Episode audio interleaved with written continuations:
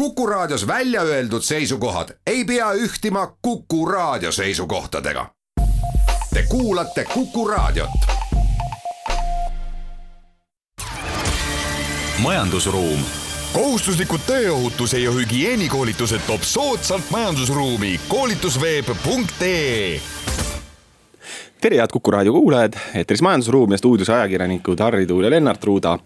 ja räägime seekord äh, siis Äh, Helsingi tunnelist, et äh, millele tõmmati üsna järsult nagu noh, nagu täispidurit sisuliselt, et, et.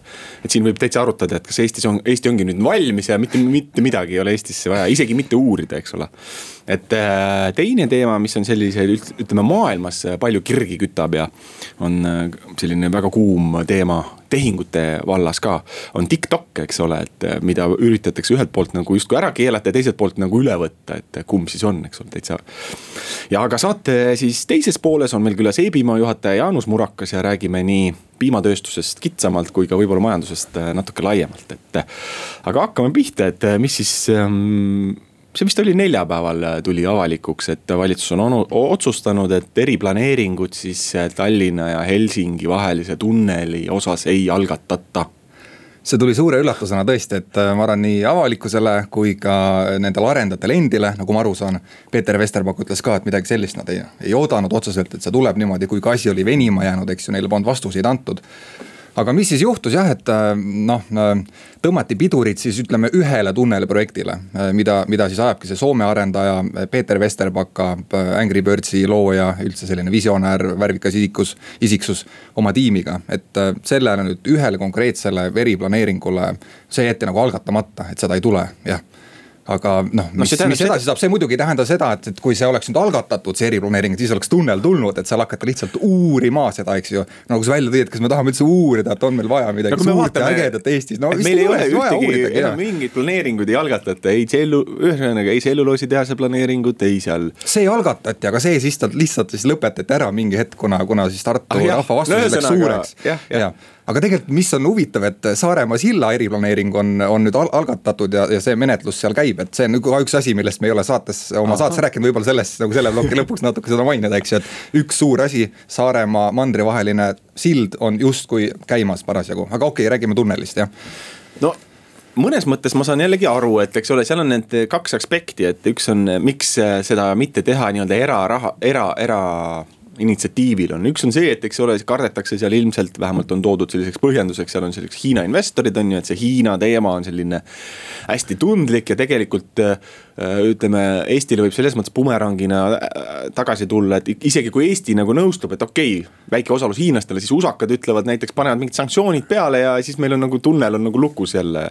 ja, ja teistpidi on see, et et kui näiteks see erainvestor jääb mingisugusesse hätta, eks ole, mingi tunneli kahe riigi vahel, ma saan sellest loogikast aru, et no mis me siis teeme, eks ole nagu Taavi Aas ütles piltlikult, et kui auk jääb keset merd või kuskil, et, et mis siis edasi saab, et.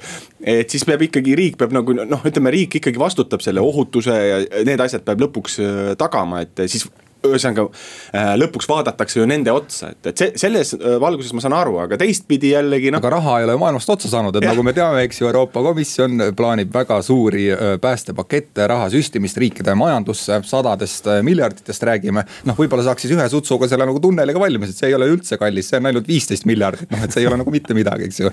võrreldes see... siin nagu nende kosmiliste summadega, mis meil iga päev sisuliselt nagu pealkirjas läbi jooksevad. et jah, aga noh, mis seal siis siis nagu välja toodi jah, et, et äh, ähm, Aab ka ütles seda, et nad ei ole tegelikult saanud ikkagi neid äh, kõiki vastuseid kätte arendajalt, mida nad on palunud, et see on selline nagu palli põrgatamine käinud, eks ju, et äh, noh, me esitame eriplaneeringu, siis me küsime, et oo. ma ei tea, et kuidas te need tehissaared teete ja niimoodi, et sealt jäi ikkagi nagu toppama, et natuke tundub, et need suusad läksid risti omavahel. aga noh, aga see alati, kui see noh, selline jutt on selline, et mul jäid mõned vastused saamata, siis see näitab natuke ka seda, et ega ma eriti mind ei huvita ka need vastused, et alati oleks saanud ju selle Vesterbacka välja kutsuda ja temaga vestelda ja küsida nende asjade kohta, et. et noh, selles mõttes, et ma saan aru, et kõik asjad peavad olema tohutult bürokraatlikult kuidagi dokument, dokumentidega kirjas, aga see, et noh, vastuseid ma ei saanud, et. no, no et alati tekib nende... küsimus, et kas ma pingutasin piisavalt, et sellest ma ka ei saanud.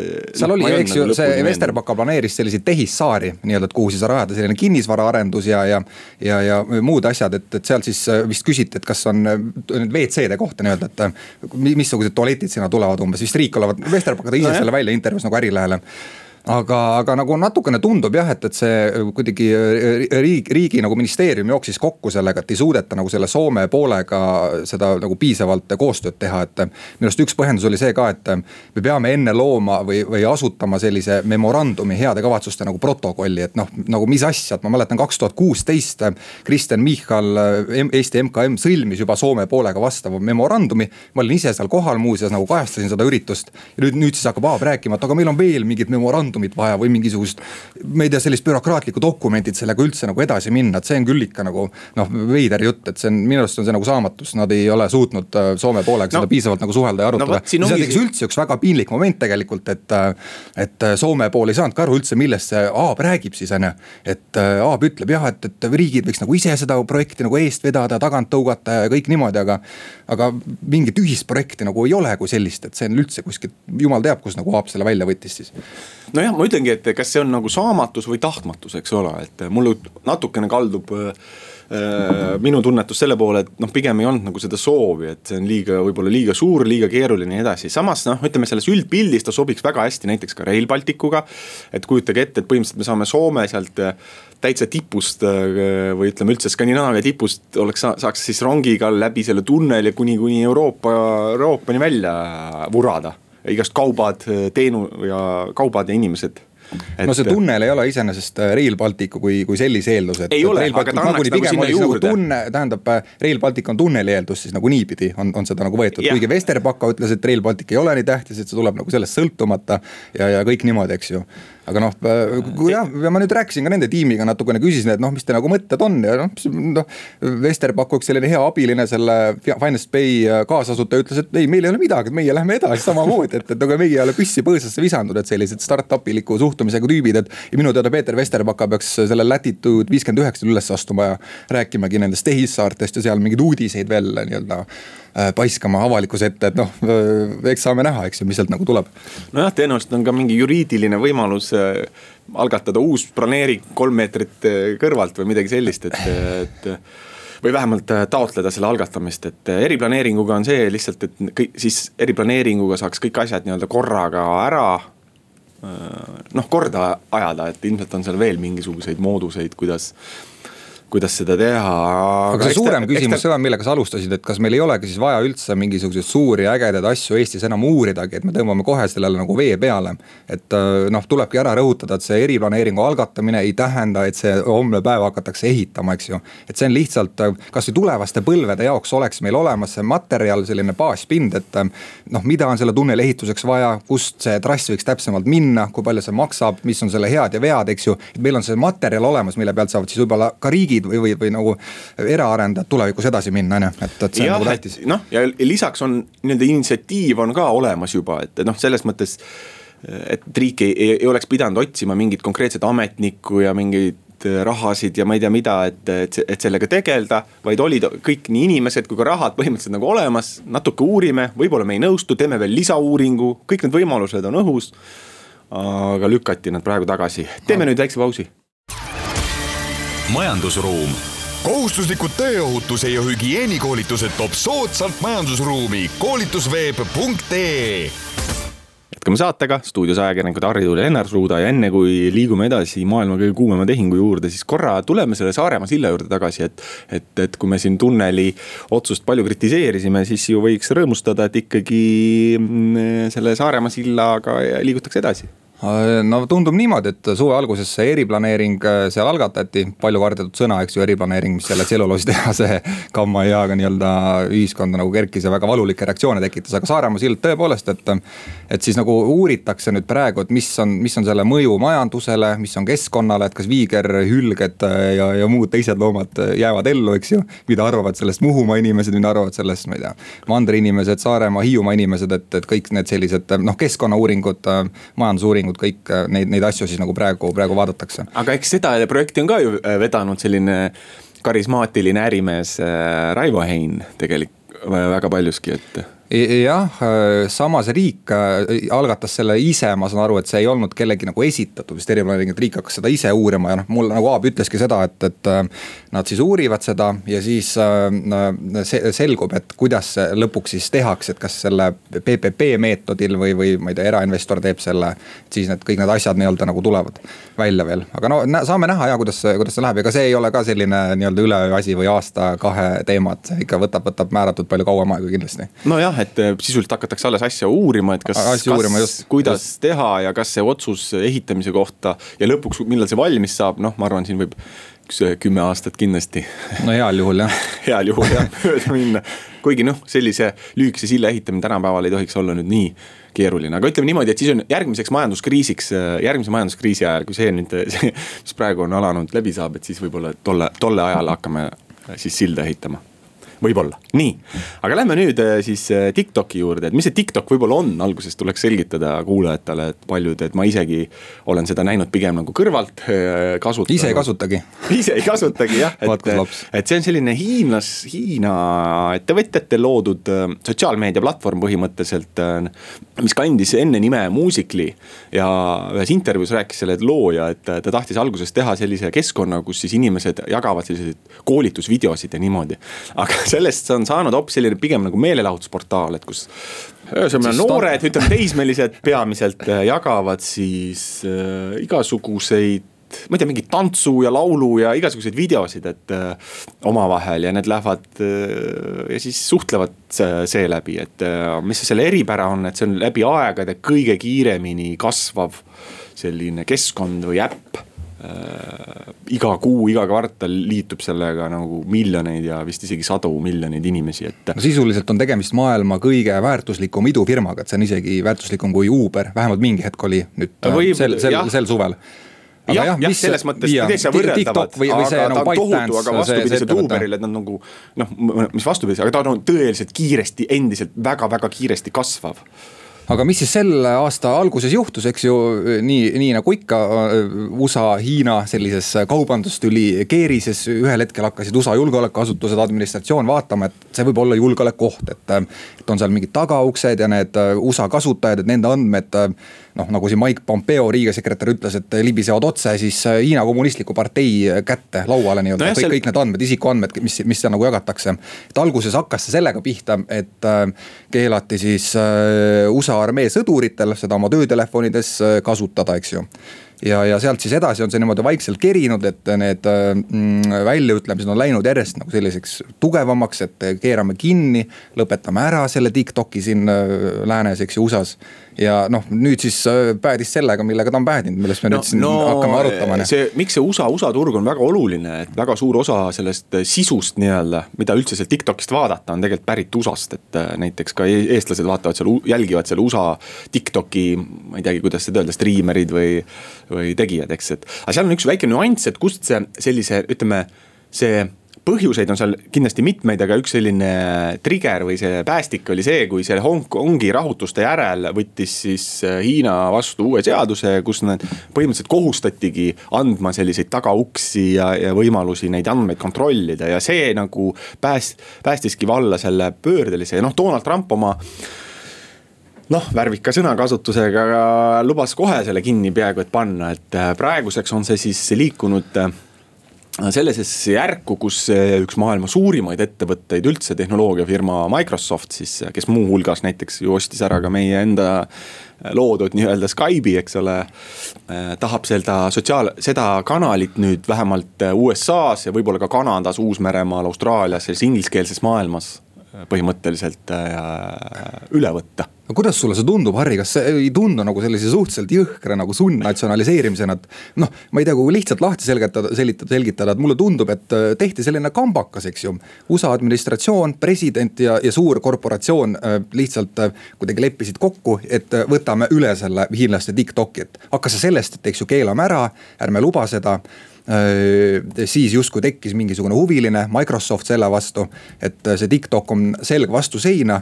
Äh, meie variant on see, et kas müüme ettevõtte maha või paneme üldse kinni, et noh, päris nagu pretsedenditu lugu või?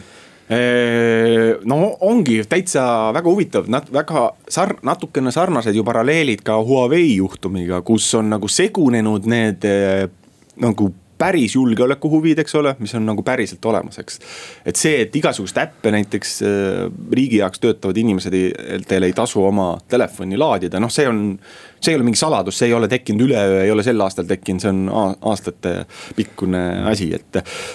et ja samas ka need ärihuvid, eks ole, suured korporatsioonid ülemaailmsed, et, et, et Donald Trump on ju noh ühe, samal ajal käib USA-s selline uurimine, ma ei tea, seal Facebook. Äh, Big Four, eks ju, suur, suur nelik. Big Fouri, eks ole, Google, Amazon, Apple ja Facebooki üle, et kas nad ei kuritarvita oma, eks ole, väga tugevat positsiooni. ja teiselt poolt on näha, kuidas Donald Trump ja üldse USA tegelikult mu mujal, USA-st väljaspool, igal pool kaitsevad väga tõsiselt oma turgu. et kui näiteks Euroopa on siin tahtnud ju digimakse kehtestada nendele firmadele, et siis on Donald Trump ju ähvardanud vastu mingisuguseid sanktsioonide või noh, ütleme.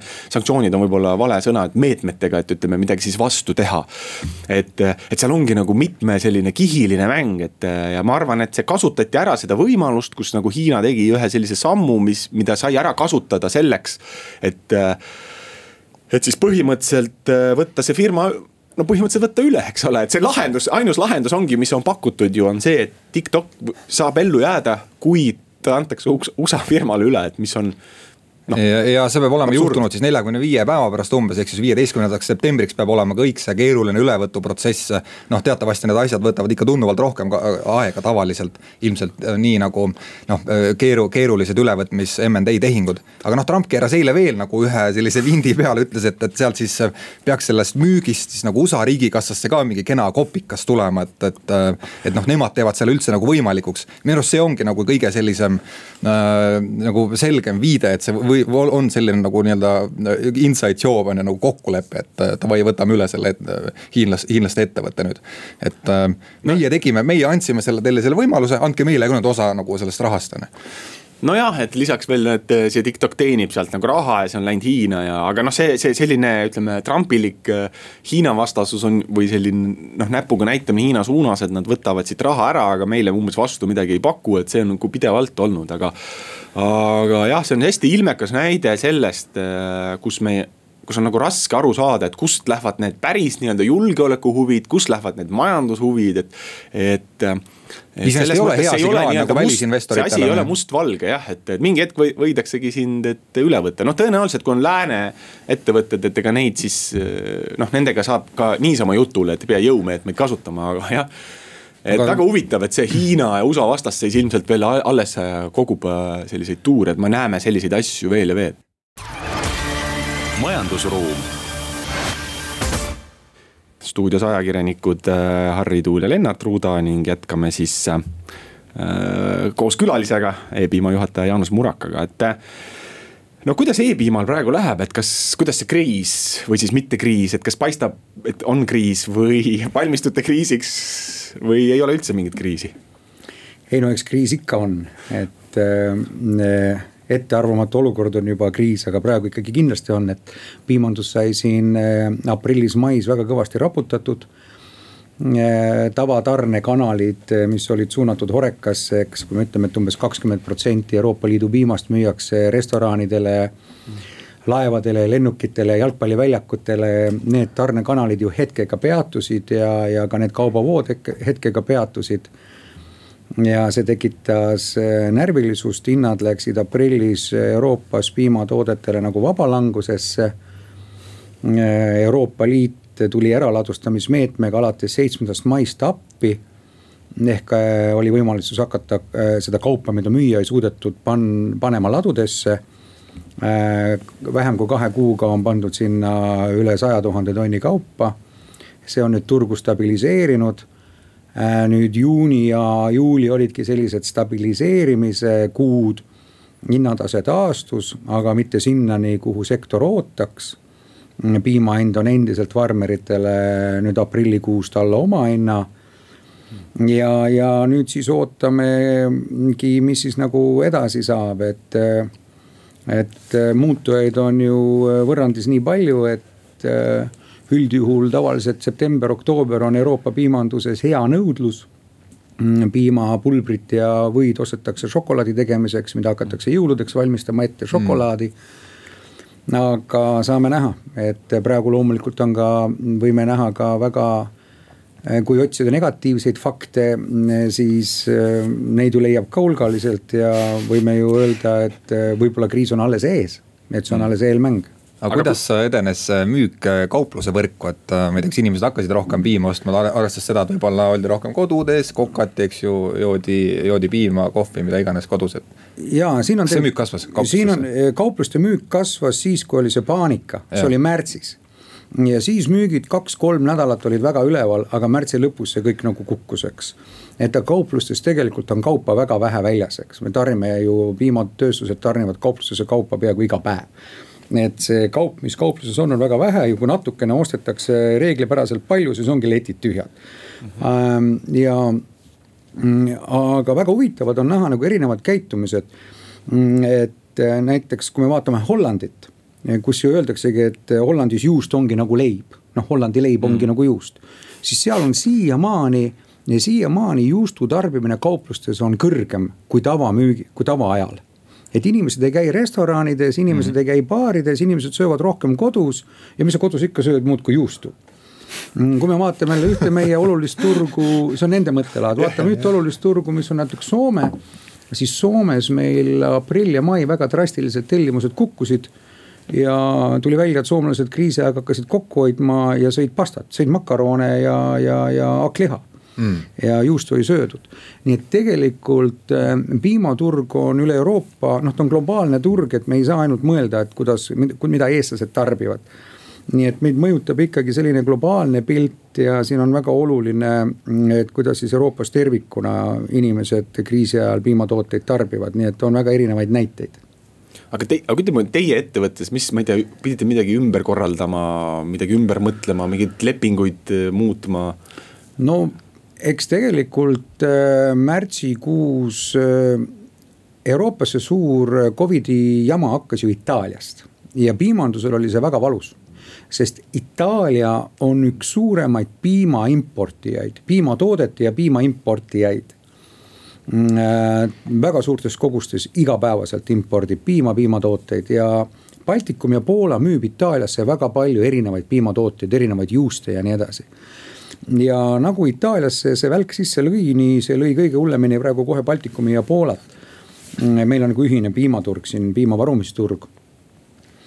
Ja, ja tegelikult tuli ette ka väga palju lepingute tühistamist, Itaalia kliendid ütlesidki, et sorry, ära mulle seda järgmist autot välja saada, et ma lihtsalt ei jõua sulle maksta, mu tehas on kinni, ma ei tea, mis minuga saab, et ma ei jõua sulle maksta, eks et tekkis turul nihuke sõna nagu cancellation cheese, et uus juustusort. Et millega kõik nagu tegelesid aprillis ja märtsis oli see, et tühistatud juustulepingute juust, et kuhu ta nüüd siis müüa, eks. Yeah ja, ja, ja see oli päris teemaks siin mitu kuud juustutehastel, et kuhu müüa see juust, mis on nüüd siis tühistatud.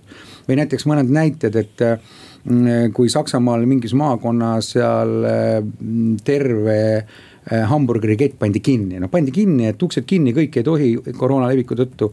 ja me olime kadestanud võib-olla kunagi mingit juustutööstust, kes oli juba kakskümmend aastat teinud sinna hamburgeri vahele juustu ja jumala kindel turg, et kogu aeg müüd.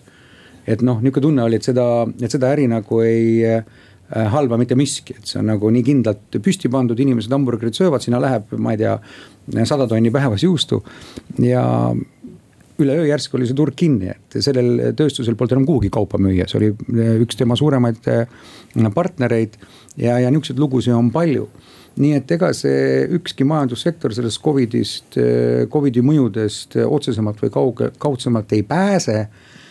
Kui ma nüüd võtaksin üldiselt kokku, kui me, kui me ütleksime nüüd nii, et piimanduse jaoks olid äkki kõik need hullemad kuud aprill ja mai ja edasi me hakkame taastuma rohkem tavarütmi. Äh, siis me oleme veel hästi pääsenud noh, loodame, et me oleme hästi ma pääsenud. küsin ühe, küsin ühe natukene teise teema kohta, et äh, ilmus uudis siin mõni aeg tagasi, mis sai noh, minu arust nagu vähe tähelepanu. aga et äh, suur ettevõte Eestis, nagu te olete e, E-piim on siis liitunud Läti piimandusühistuga, et sisuliselt on toimunud nagu Baltikumi turul selline suur liitumistehing, et, et rääkige sellest, et kellega te liitusite, miks te liitusite, mida see täpselt tähendab, kes keda nagu üle võttis ja nii edasi Äh, oli võrdne võrdsega liitumine.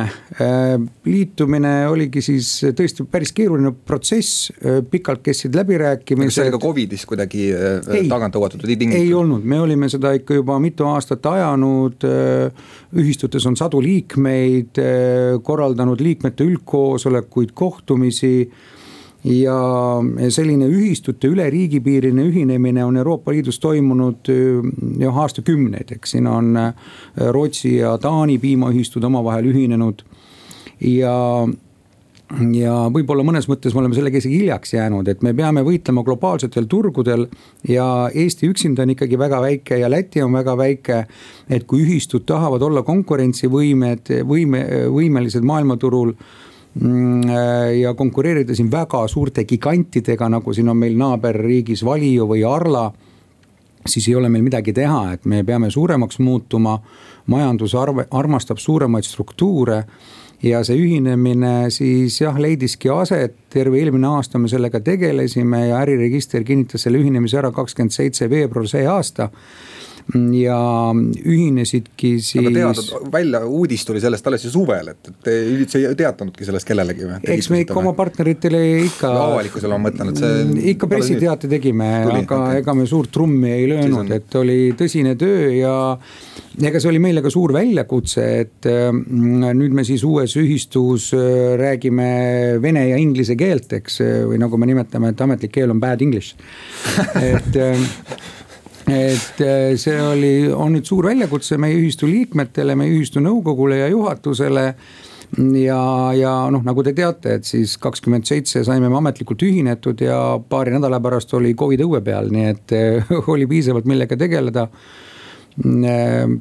oleme praegu nende tegevustega väga rahul, hingame lätlastega ühes rütmis, atmosfäär ja meeleolu on hea, meil on väga pikaajalised eesmärgid, me tahame ehitada Paidesse uut piimatööstust, circa saja miljoniline projekt ehm, täna me juba saame nautida ka selle ühinemise vilju, meil on nüüd kaks koduturgu, Läti ja Eesti.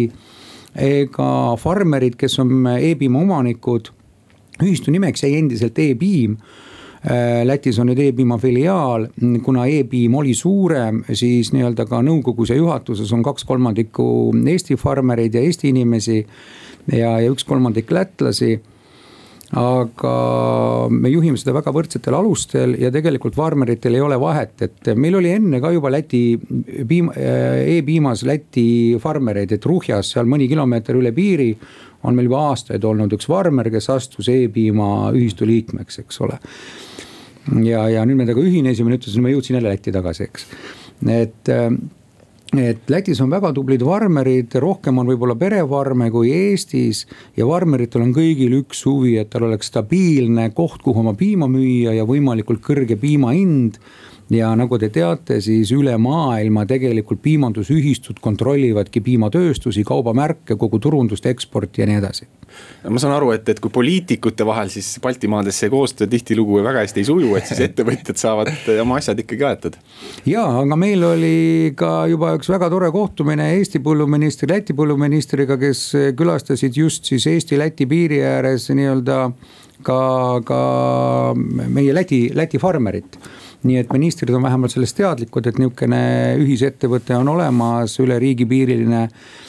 ja üritame seista siis maaelu väärtuste eest ja põllumeeste ja farmerite huvide eest.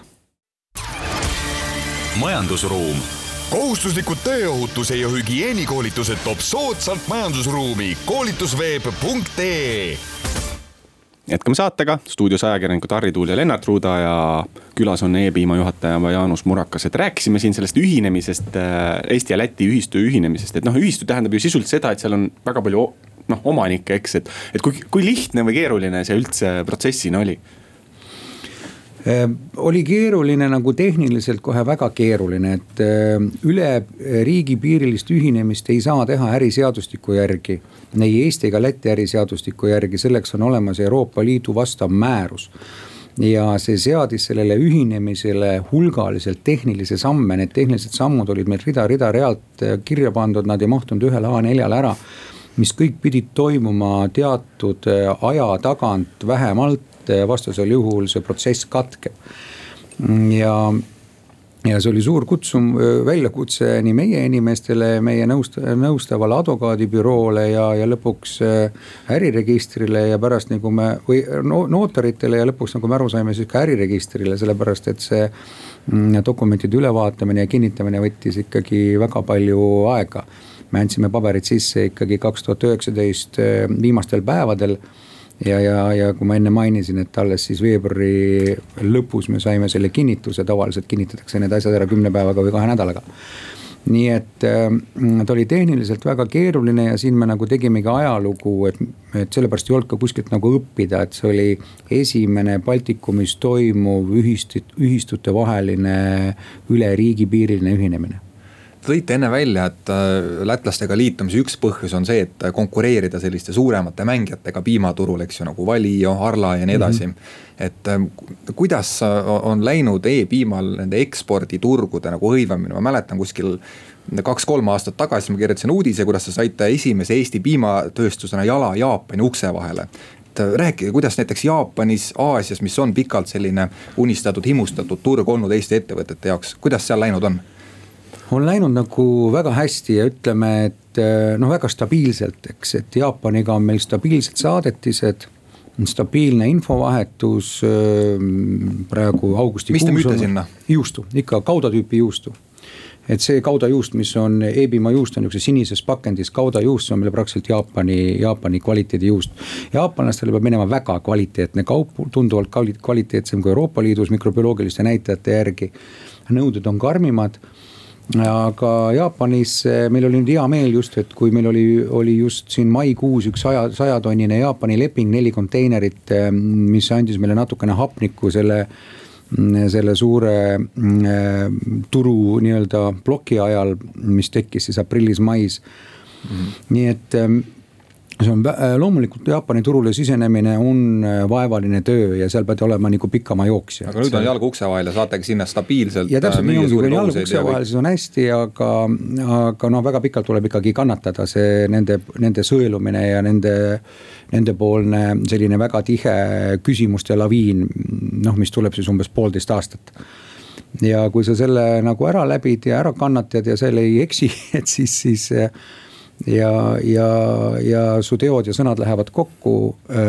jaapanlased on väga korrektsed, peavad ise oma lubadustest väga kinni ja otsivad ka partnereid, kes siis on oma sõnadest kinni peavad ja, ja nüüd on meil hea meel, et me oleme ka regulaarselt Hiina müümas, ka Hiina turg on Eestile avanenud. nii et praegu, praegu nagu me saamegi võib-olla neid noh, praegu on jälle see näide, et turud on nii eba, ebakindlad ja mida rohkem võimalusi sul on erinevatesse riikidesse müüa, siis see ikkagi annab sulle teatud eelise, et et noh, näiteks. munad on erinevates korvides täpselt, ja hajutatud riskid. täpselt, täpselt, et see on nagu väga-väga oluline. loomulikult on see suur pingutus neid erinevate riikide kvaliteedisüsteeme oma tehastes juurutada Ehm, Aasia kvaliteedinõuded ja ka Hiina kvaliteedinõuded on väga ranged, inimestel on arvamus, et noh, Hiinast sealt tuleb mingeid odavaid asju. Aga importtoiduainetele on Hiina kvaliteedinõuded väga karmid, me ise toodame Hiinasse ka lastetoidu ühte komponenti, demineraliseeritud vadakupulbrit, loomulikult lastetoidu nõuded on ülikarmid ja ja eks ettevõtjad tihti mõtlevadki, et see võtab aastaid aega, see turule sisenemine, selle kvaliteedi pingutamine, et kas mul see tasub ära, äkki ma pärast ikkagi ei saa sinna turule ja. ja tihti seda, seda pikama jooksu ette ei võeta. Aga e-piim on selle ära kannatanud ja nüüd saame mõnes mõttes neid vilju siis maitsta. no e-piimal on ju on tegemas või äh, ühte väga suurt investeeringut ka Eestisse, et Paidesse siis äh, sellise uue tööstuse rajamine, et mis seisus see on, et äh, ja mis plaanid teil üldse sellega seoses on? no plaan on Paide tööstus valmis ehitada mm, selle nimel on väga-väga kõvasti tööd tehtud, meil oli siin tagasilöök aasta lõpus, kus me, me olime sunnitud ühe suure tehnoloogiahanke tühistama ja ruttu-ruttu jooksujalul siis eh, hakkasime uut hanget ette valmistama. viisteist juuli eh, hange lõppes praegu juba see nädal on toimunud väga tihedad videomiitingud siis pakkujatega tehniliste spetsifikatsioonide ja tehnoloogiate täpsustamise osas. ja praegu esmapilgu järgi võime pakkumistega rahul olla, need on väga detailsed ja keerulised tehnilised pakkumised. Enne ei tea, kui kõik need läbirääkimise voorud on läbitud kuid praegu oleme positiivsed ja sooviksime siis viimase hanke, et seal hankeid on palju, väga paljud hanked on juba allkirjastatud, see on viimane suurim tehnoloogia hange. et saaksime siis oktoobri esimesel poolel või oktoobris äh, hanke võitjaga lepingusse minna ja siis järgmine aasta ehitama hakata. aga mis võimalusi see teile nagu ettevõttena või ühistuna loob, et äh, lisa, mingit lisakäiku või? no loomulikult küsimus on see, et Eestis ja ei ole ehitatud kolmkümmend aastat ühtegi uut piimatööstust, eks ja me räägime täna ju äh, energiatõhususest, digitaliseerimisest, efektiivsusest. Äh, noh, maailmaturul opereerides me konkureerime väga võimsate Saksa, Hollandi, Skandinaavia piimaühistutega ka Jaapani turul äh, pakume seal kaubanduskettidele võidu valijoga hindu ja, ja mm, ikkagi Äh, meie eesmärk on loomulikult maksimaalselt anda kindlust meie farmerile, meie omanikule ja kõrget piimahinda. ja üks oluline asi, mis peab olema äh, heal tasemel, on tööstuse efektiivsus. ja tööstuse juures on ülioluline äris on teha asju õige mahuga tänased piimatööstused ikkagi Eestis ja Lätis on väga väikse mahu pealt. ja, ja me näeme, et kulud kogu aeg tõusevad, kui maht ei tõuse, omahind kallineb, järelikult konkurentsivõime väheneb. et uue tööstusega me tõesti astume nagu suure sammu edasi. ja, ja, ja, ja, ja noh, väga suure sammu edasi, et meie investorid Hollandist ütlevad, et me teeme kolmekümne aastase sammu kahe aastaga ja nii see tõesti on. Ähm, ja see on õudselt hea, kui me saame selle loomulikult tehtud, et vastasel juhul me jääme need sada kolmkümmend aastat, me oleme nagu Lääne-Euroopast maas oma piimatööstuste tehnilise tasemega. ja nüüd ongi kaks varianti, et kas me tiksume kogu aeg väikeste investeeringutega, aga me kogu aeg oleme neist maas, me ei saa kogu aeg kunagi võrdseks. või me suudame teha siin sajamiljonise investeeringu ja me oleme, me oleme nii-öelda nendega ühe tehnika peal. ja see lahendab ära kõik ka muud probleemid, et äh, tehas on äh, väga väga kõrge automatiseerimise, digitaliseerimise tasemega. nii et selliseid odavaid töökohti seal ei ole, seal on, äh, peavad olema väga hästi välja õppinud operaatoreid, aga neid on väga vähe. et selliseid odavat äh, käsitööd seal teha enam vaja ei ole nagu praegustes tööstustes. tõite välja enne, enne, et äh, piima hind on alla oma tootmise hinna, et siis tuleb nagu peale maksta, et kuidas Eesti siis farmerid hakkama saavad sellises olukorras üldse? Teie küll räägite siin suurtest nagu plaanidest, tööstustest masinaparkidest, aga, aga kuidas, kuidas siis see põllumees hakkama saab? Ja ega äh, põllumehel ongi praegu kõige raskem, eks, et eks äh, mm, noh me ju näeme, et ega põllumehed ongi olnud tihti, mitte tihti, aga aeg-ajalt on sellised kuuekuulised, üheksakuulised perioodid või siin Vene kriisiaeg kaks tuhat neliteist, kui sanktsioonid kehtestati, oli ju kakskümmend kaks kuud, piima hind oli alla oma hinna. ega väga paljud farmerid läksid ka pankrotti ja siin ongi nagu see mõistmine nüüd, et äh, nendest kriisidest, kui piimahinnad on väga all, tuleb, tuleb farmerid läbi aidata. Aitäh, meil oli külas E-piima juht Jaanus Murakas, stuudios olid ajakirjanikud Harri Tuul ja Lennart Ruuda. kohtumiseni majandusruumis järgmisel nädalal. majandusruum. Kohustuslikud tööohutuse ja hügieenikoolitused toob soodsalt majandusruumi. Koolitusveeb.ee